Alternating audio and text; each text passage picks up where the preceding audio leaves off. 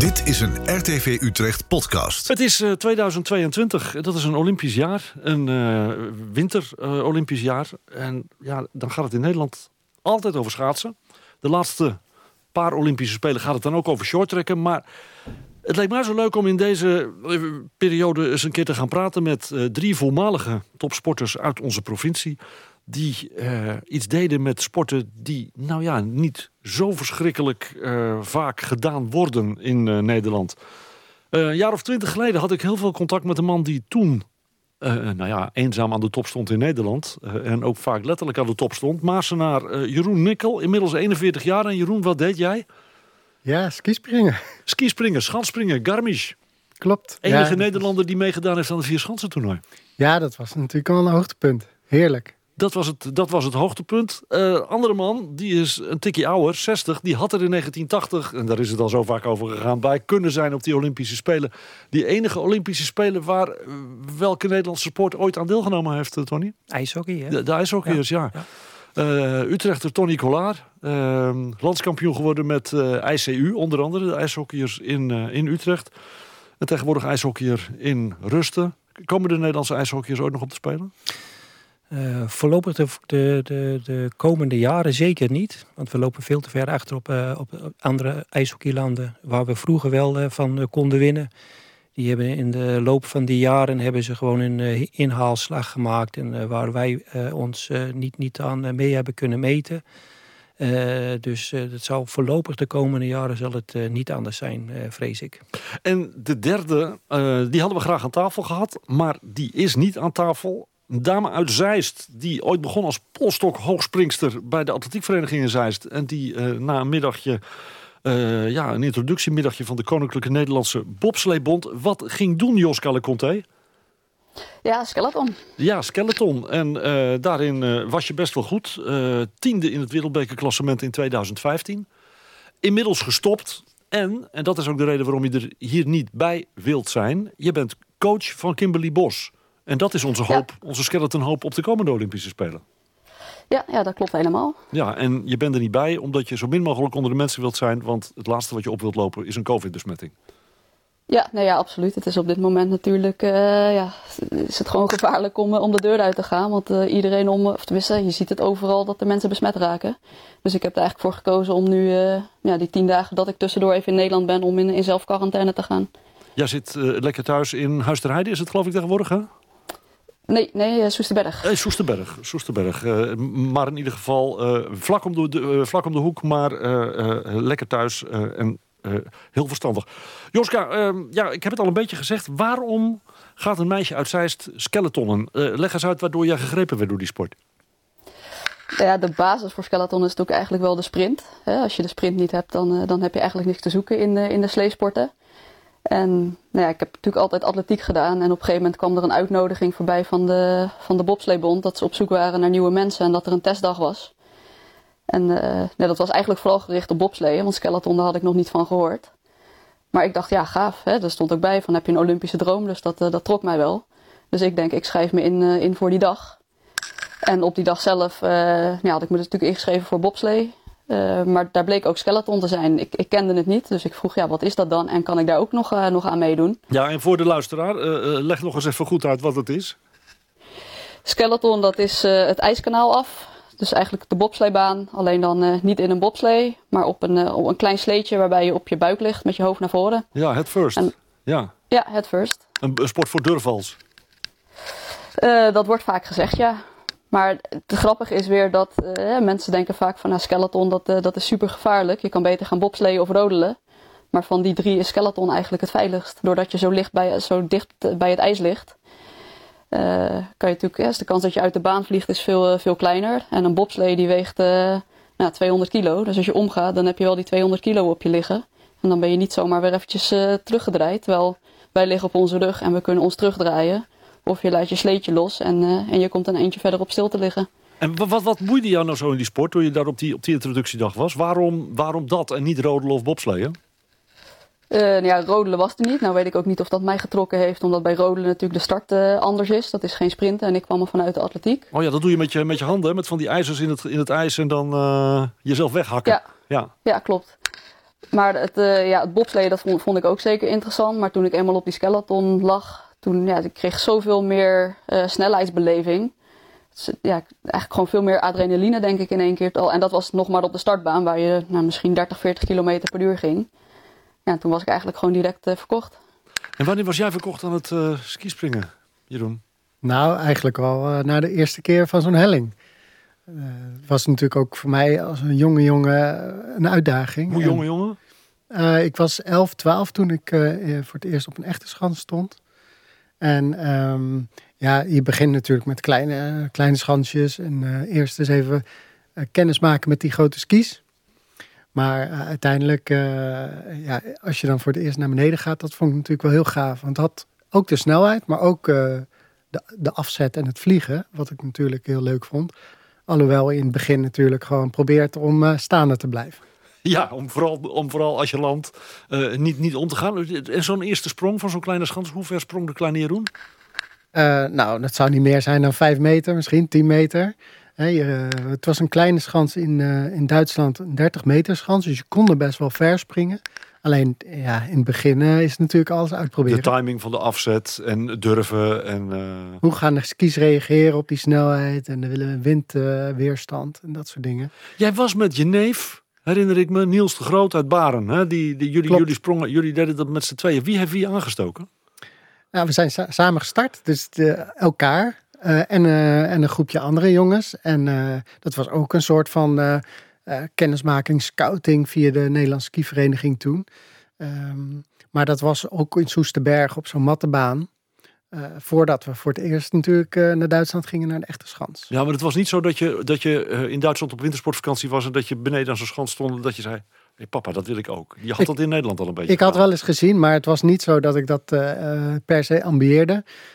Maar ik was wel al met het alpineski gevorderd dat ik dacht van, oh, dit vind ik ook wel heel leuk. Dus de, dus de affiniteit met de sneeuw was er wel. Skeleton en uh, skispringen, daarin heeft Nederland nog nooit op de Olympische Spelen gestaan. Eén keer was Nederland er wel met ijshockey. Tony Collard was toen ook al ijshockeyer. aankomend prof in Canada. Ja. Um, hoe, kom jij, hoe kwam jij als klein Utrechts jochie in aanraking met ijshockey? Uh, ik woonde toenmalig in Canada. Mijn ouders waren geëmigreerd naar Canada toen ik één was. En uh, toen ik drie jaar oud was, uh, kregen mijn twee oudere broers kregen voor hun kerst een mooie ijshockeypak. Dat zag er heel stoer uit. body protector, een helm. En dat wilde ik ook heel graag, maar dat mocht nog niet van, me, van mijn Waren ouders. er niet in jouw maat nog misschien? Nee, waarschijnlijk niet. Ze zeiden van als jij vier bent, dan, uh, dan mag jij ook. Dus, uh, dus ja, toen uh, werd ik uit, uiteindelijk vier. En toen mocht ik ook zo'n mooie pak. Maar dan moest ik er eentje van mijn broer overnemen. Want die was daar inmiddels al uitgegroeid. Maar dat maakte mij niet uit. Want ik mocht ijshockeyen. En, dat is, en, ik, en ik wilde dat heel graag. Ik zag dat op de, tv toen. toen werd elke zaterdag een hockey night in, in Canada uitgezonden. En als klein jochie mocht ik er altijd naar kijken. En dat wilde ik. En, en toen ben ik op ijshockey gegaan. Waar, waarom trok die sport jou meer dan uh, bijvoorbeeld... Nou ja, goed, je woonde natuurlijk niet meer in Nederland... maar dan de in Nederland wat gangbaardere sporten... als misschien bijvoorbeeld schaatsen of voetbal? Ja, nou kijk, uh, zoals voetbal hier in Nederland is... is ijshockey in Canada. Dus, dus het, het, eerste waar je aan denkt als je op sport gaat... daar is ijshockey. En zoals ik al zei, die imposante pakken vond ik al heel mooi... en snelheid en, uh, en ruwheid van de sport vond ik gewoon uh, als kleine kind al, al, al heel leuk. En uh, ja, sindsdien was ik er ook helemaal aan verkocht. Kan jij je voorstellen dat je op zo'n skeleton sleetje gaat zitten, zoals Joska dat Nee, doet? ik heb heel veel waardering voor haar, voor Joska, als ik dit zo hoor. Want dat is weer een, een, een, een heel andere discipline. En kijk, met ijshockey heb je nog een pak aan. Dus, dus ik heb ja, van... maar met dat, met, je hebt toch ook een helm op, Joska?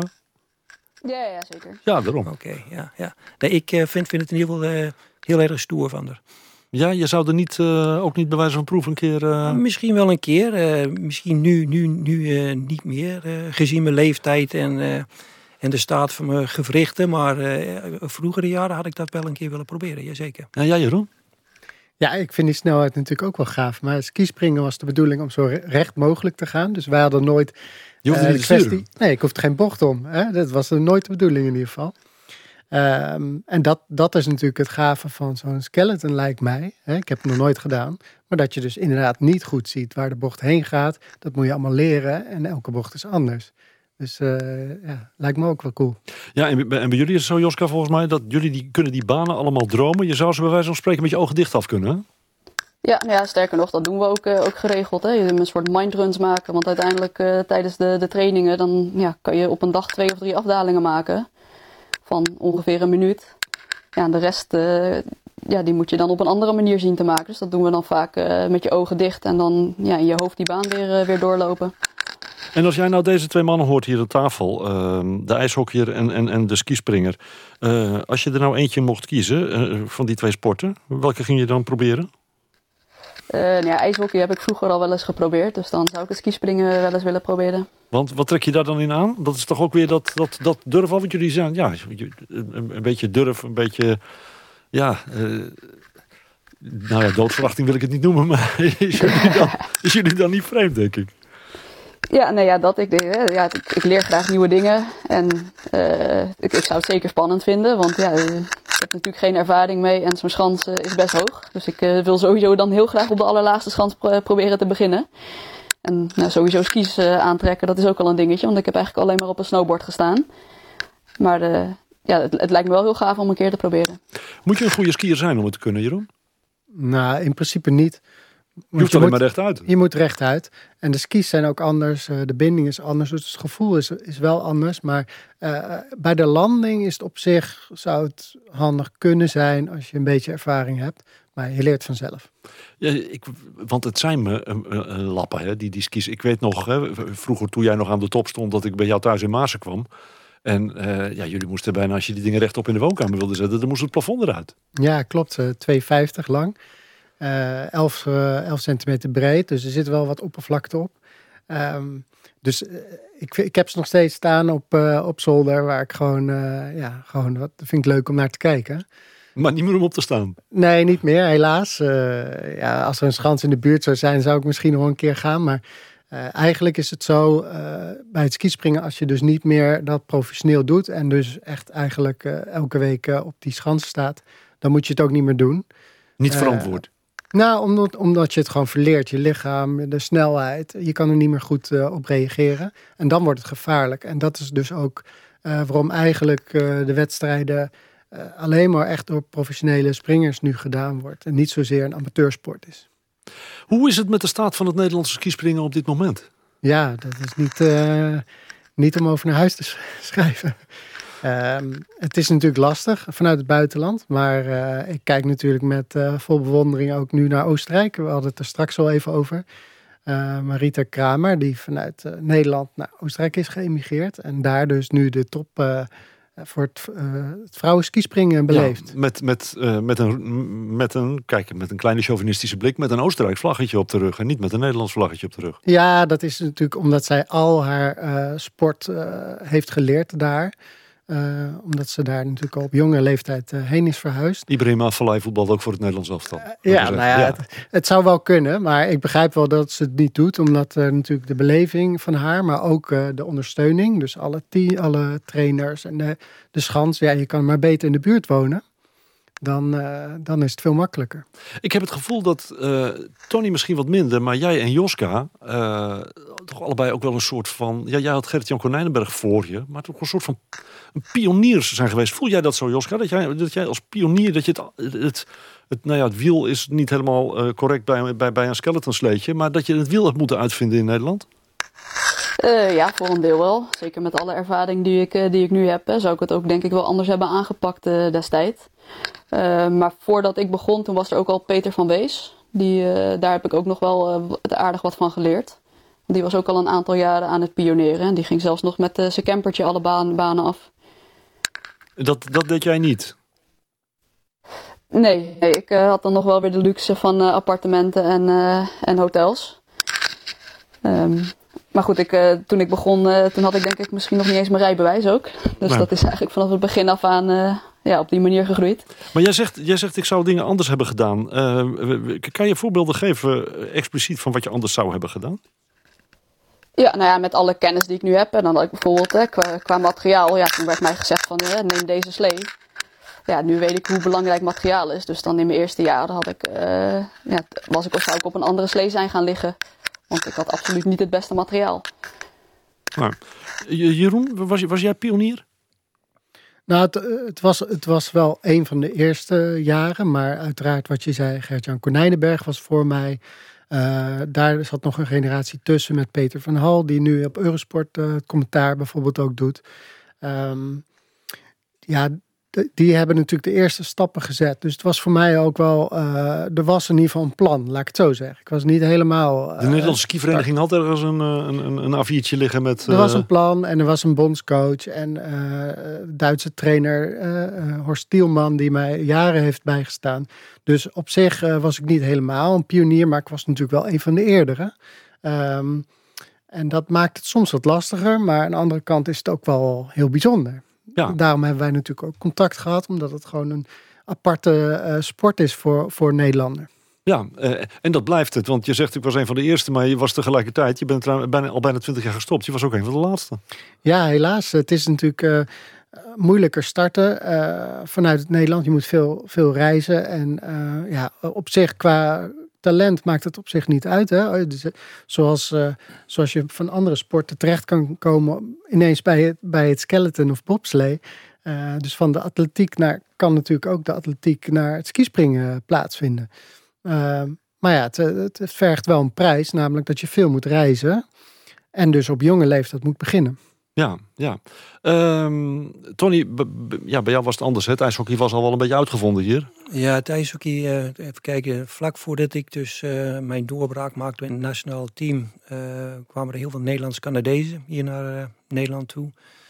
De- IJshockey en basketbal pro profiteerden daar toen optimaal van. van ja, heel veel. ja. IJshockey zeker, want er komen namen als Lady van Wieren, Jack de Heer, die eh, kwamen hier eh, hockeyen. En eh, zijn, dacht ik, in 1979 zijn ze wereldkampioen in de B-pool geworden in Roemenië, was het, Galati. Dat was natuurlijk een, een, een, een hele sensatie dat ze Oost-Duitsland eruit geknikkerd hadden. En ja, toen is natuurlijk het jaar erop de Olympische Spelen in Lake Placid. Dus daar hebben ze eigenlijk nog, nog meer de sport in de kijker kunnen spelen. En ja, met, zoals ik al zei, eh, grote Nederlands-Canadese namen. eh, die in één keer heel erg eh, bekend werden hier in Nederland. Ik geloof ook in 1980 dat de Nederlandse ijzerploeg de, sportploeg van het jaar Oh, dat, zou, dat, zou zomaar, dat zou zomaar kunnen. Ja, Ja, ja. En dus dan hadden we dus eerst die Olympische Spelen en daarna direct eh A-pool in Zweden was dat dus eh, Stockholm en Göteborg. Dan zit gewoon Nederland gewoon bij de top acht landen van de wereld. Hè? Bij de top acht hebben we het over. Hè? Ik geloof dat nu... Er is natuurlijk sindsdien wel wat gebeurd. Hè? Eh, dus Rusland, de ja. Sovjet, Sovjet-Unie was, was, was één team toen. Dat zijn er Klopt, nu twintig. Klopt, En, en, ja, nee, eh, klopt. Ja, dus in de, in de loop van de jaren is, daar, is dat... Want van vroeger had je dan een A, B, C en D pool. En eh, wij waren een, gewoon een, een goede B- B-pool land. Hè? Dus zit je eigenlijk bij de, bij de top 16 landen van de wereld. Eigenlijk, hè? want dan, daar horen we eh, gewoon in eh, thuis. En ja, daarna kwam dus die opsplitsing van de, de Sovjet-republiek. ja, Tsjechië Waar- en Slowakije werden twee Tsjechië, landen. Slowakije, en dan in één keer had je Oekraïne, Letland, Litouwen. Dat werden Ja. in één keer allemaal ijshockeylanden waar ook heel veel ijshockeyers. En eh, dus eh, sinds, sindsdien eh, ja, zijn we toch een klein beetje naar achter geschoven qua landenplacering. Ik geloof dat nu Nederland op de 25 of 26e plaats staat. Is er goed beleid in Nederland om daar wat aan te verbeteren? Ja, in principe wel. In principe zou het er moeten zijn. Hè, want de, de know-how is er, eh, de ervaring is er. Het is alleen het grote probleem hier in Nederland is dat we gewoon veel te weinig ijsbanen hebben. Waardoor de sport eigenlijk veel te duur wordt. En eh, eh, de drempel voor jeugdleden om te gaan uh, ijshockey is, is vrij groot. Omdat uh, Ook voor hun ouders, want je, je uitwedstrijden zijn altijd verre uitwedstrijden. Altijd verre uitwedstrijden. Dus je, dus je bent eigenlijk hele weekenden weg. Dus je offert je hele weekend op. Uh, de uitrusting die je koopt is uh, vrij duur. De contributie, ik geloof dat ze in Utrecht de jeugdleden uh, 8 of 900 euro per jaar voor die zes maanden contributie moeten betalen. Ja, dat hakt er ook in. En dan komt dus, dus na, naast... Dan heb je nog niet eens een pak en dan heb je nog geen schaatsen. Juist. En dan eh, moet je ook al die uren er nog eens bij eh, op, op, op gaan tellen voor die ouders. Dus het vergt best wel een hele investering. Ehm, ik heb het al gevraagd aan jou, eh, Tony. Ik heb het gevraagd aan, eh, aan Jeroen. Eh, Joska, ja, aan jou is de vraag, eh hoeft eigenlijk niet gesteld te worden. Wordt dat ooit toch eens wat met dat skeleton in Nederland? Want ja, sinds jij gestopt bent en coach bent, gaat het eigenlijk beter dan ooit. We mogen misschien wel vaststellen dat jij een betere coach was dan dat je skeletons er was, of niet? Ja, ja, misschien wel. In ieder geval alle kennis die ik heb opgedaan, die kan ik nu, nu mooi, mooi overdragen. Dus eh, ja, misschien is dat toch ook een beetje dat pionieren geweest waarin ik heel veel dingen nou, ja, juist heb geleerd. Die ik dan nu eh, ja, op een juiste manier kan overdragen aan, eh, aan Kimberly. Ja, dat draag je over aan Kimberly. Die gaat verschrikkelijk goed. Hoe reëel is het om, te, om, om te, te bedenken dat hij wel eens een, een medaille kan winnen straks in Beijing? Ja, ja, het zou natuurlijk mogelijk zijn. Ze heeft eh, de World Cup heeft ze gewonnen dit seizoen. Ze heeft twee World Cup wedstrijden zelf gewonnen. En, en dus de overall ranking. Ze is Europees kampioen geworden. Eh, maar China is natuurlijk wel weer een, eh, een andere baan. Waar, Ook een ja, andere wedstrijd, hè? nog- Want in World Cups heb je twee afdalingen en op de Spelen vier, geloof ik, hè? Ja, ja, dat ook. Dus de, op, op de Spelen is het natuurlijk nog belangrijker om constant te sleeën. Want één slechte run ertussen. En ja, dan wordt het natuurlijk lastig om dat, om dat weer goed te maken. Maar niet onmogelijk. Eh, maar daarnaast is het natuurlijk ook, hè, voor iedereen is dit het piekmoment. Dus iedereen zal in, eh, in bloedvorm zijn.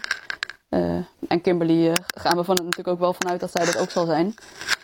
Maar ja, dit, is gewoon wel een andere baan waar iedereen ja, nu denk ik 40 afdalingen ongeveer heeft gehad om de baan te leren kennen. Dus ja, dat, dat kan op zich nog alle kanten op. Ehm, de toekomst van deze sport, van jouw sport in Nederland. Eh, jij was een pionier. Kimberly staat nu op hele eenzame hoogte in Nederland. Want eh, nou, er is misschien niet eens zo gek veel fantasie voor nodig om te denken dat jij nog steeds de nummer twee van Nederland bent. Ehm, of zou zijn als je mee zou doen.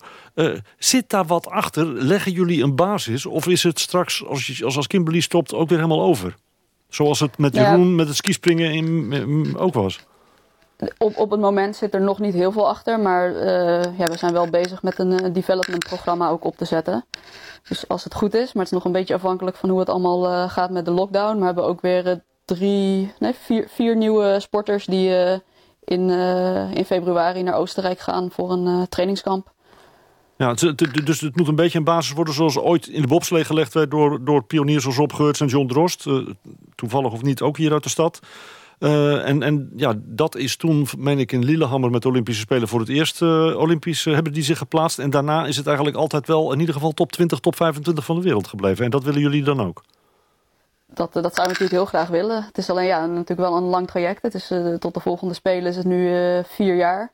Dus het is, ja, vier jaar is moeilijk om mensen alweer klaar te, te, stomen. Dus we hopen dat Kimberly in ieder geval nog, nog vier jaar door wil gaan. En dan over acht jaar kunnen we daar zeker een, een generatie achter hebben staan. Want we hebben, ja, we hebben nu gewoon wel veel meer aandacht eh, voor de sport. Op het moment hebben we ook een, eh, een goede bondsponsor, waardoor we gewoon meer dingen kunnen doen. Want dat is natuurlijk vaak gewoon lastig geweest dat de middelen er niet waren. Want een sportskeleton, ja, dat is niet iets wat je eventjes eh, in het weekend hier in Nederland kan doen. Nee, je moet altijd naar het buitenland, dus je zit aan die reiskosten vast. Je moet er de tijd voor vrijmaken. Dus het is, het is geen laagdrempelige sport. Maar ja, we hopen daar echt een gedegen programma voor te gaan opbouwen nu om ja, structureel mensen te hebben. Kijken jullie uit naar de Olympische Winterspelen? Absoluut. Zeker. weten. Zeker. Ja, ja Kim, of, eh, die- Joska natuurlijk, die gaat eh, straks naar, eh, naar Beijing toe. Ehm, eh, welke, wat, wat ga jij in het bijzonder volgen, Jeroen? Ja, eigenlijk zoveel mogelijk. Ik heb eh, de, de planning natuurlijk veel minder eh, voor ogen eh, dan Joska. Want eh, die eh, is daar helemaal op gefocust natuurlijk, eh, wanneer wat eh, plaatsvindt. Ehm, maar ik hoop natuurlijk veel te kunnen zien. Eh, het skispringen, het, het skiën, eh, ijshockey, zo, interessant. Dus, eh, en en, zoveel nou, van, en na, nu, na, nu, na dit gesprek ook de skeleton natuurlijk. Ja, uiteraard, uiteraard. Maar daar zal heel Nederland op gefocust zijn. Want dat is het leuke natuurlijk. Als er een, eh, eh, iemand aan de top staat die, eh ja, die goede kans maakt op eh, medailles. En ik hoop dan net zo goed eh, dat dat natuurlijk nieuwe interesse eh, trekt voor, voor Nederlanders. Wat, wat, wat mij ook wel belangrijk lijkt, eh, eh, Joska zal dat hebben, jij hebt dat ook wel gehad. Ehm, we hadden vroeger, en Jeroen zal dat niet weten, Joske zal het ook niet weten. Tony, ik weet niet hoe diep jij in het schaatsen zat. We hadden vroeger die Spanjaard, Antonio Gomez. Uh, we hadden in jouw sport uh, hadden we Eddie de Eagle. Ja. Uh, dat ja. waren een beetje de lachertjes. Dat moet je niet willen zijn, denk ik. Hè? Nee, maar daar, dan mag je ook van de Nederlandse uh, comité, Olympisch Comité, mag je natuurlijk niet naar de Spelen. Nee, nee niet, zeker niet naar de Spelen. Maar uh, dat, daar, daar is, is, ik weet niet of Eddie Edwards daar überhaupt geweest is, maar uh, die deed wel mee in Garmisch. Ja, ja, ja uiteraard. kijk, waar iedereen 110 meter sprong, landde hij naar 60. Ja, goed. Dat zijn natuurlijk ook beginjaren van zo'n sport. Dat moet professioneler worden. en inmiddels, ja, als die nu mee zou doen met, met zo'n... Ehm, nou ja, met zijn stijl, dan zou je niet door de kwalificatie komen. Ten eerste, je mag niet eens starten in de kwalificatie, omdat je daar al niet aan voldoet. Dus zo'n sport wordt natuurlijk ook professioneler. Maar het geeft wel een soort van uitstraling. En het heeft natuurlijk wel veel gebracht. Uh, Engeland, maar heel de wereld keek ook naar hem. Uh, dus, dus de aandacht voor de sport heeft het wel getrokken. Ja, van Joska weten we wat ze nu doet na haar sportcarrière. Doe je nog meer, Joska, dan, dan coach zijn van Kimberly? Ja, ja ik, ik werk ook nog voor uh, Sportief Zeist. Uh, ja, die voeren zeg maar de buurtsportcoachregeling uit in Zeist. En ik ben daar teamleider van het team. En dat is op dit moment, uh, staat dat dan even op een laag petje omdat het skeleton vol gaat? Of is dat allemaal prima te combineren? Nou ja, nu zeker met dat alles grotendeels online is, is dat eigenlijk wel prima te combineren. Tony, waar brandt de kachel in Huizen Cola van op dit moment? Uh, al jaren van hetzelfde, hè? Al jaren van hetzelfde. Ik ben uh, eigenaar van een schaats- en uh, skate speciaalzaak bij de Vechtse en bij de ijsbaan in Utrecht. En dat, dat, doen we al jaren. Het is nu inmiddels 46 jaar een familiebedrijf. En Jeroen, volgens mij zag ik op je LinkedIn dat je ook nog altijd wat met sport doet. Nou, gewoon voor mezelf. nee, helaas, ik verkoop geen skispringskis of skispringpakken. Uh, die sport, dat is dus in het buitenland, wat ik al eerder aangaf. Uh, als je eenmaal stopt, dan is het gewoon alles of niks. Je kan het niet voor de lol tussendoor doen. Dus dat heb ik moeten loslaten en ook ja, gewoon op mijn studie gefocust. Um, ik heb uiteindelijk uh, communicatiewetenschap afgemaakt en ben daarna gewoon gaan werken. Dus ik werk gewoon in een Nederlandse bedrijf en doe onderzoek naar allerlei mediagedrag in Nederland. maar dat heeft niks direct met sport te maken. Dat is natuurlijk wel jammer, want mijn, mijn sporthart is er nog steeds. Maar voor het skispringen is die, uh, die stap natuurlijk wat lastiger. Ik uh, vond het hartstikke leuk om uh, jullie hier aan tafel en aan de lijn te hebben. Joska, heel veel succes in Beijing. Dankjewel. Jeroen en Tony, heel veel plezier met kijken. En heel veel doen. succes met de dingen waar jullie mee bezig zijn. Dankjewel. Okay, dankjewel.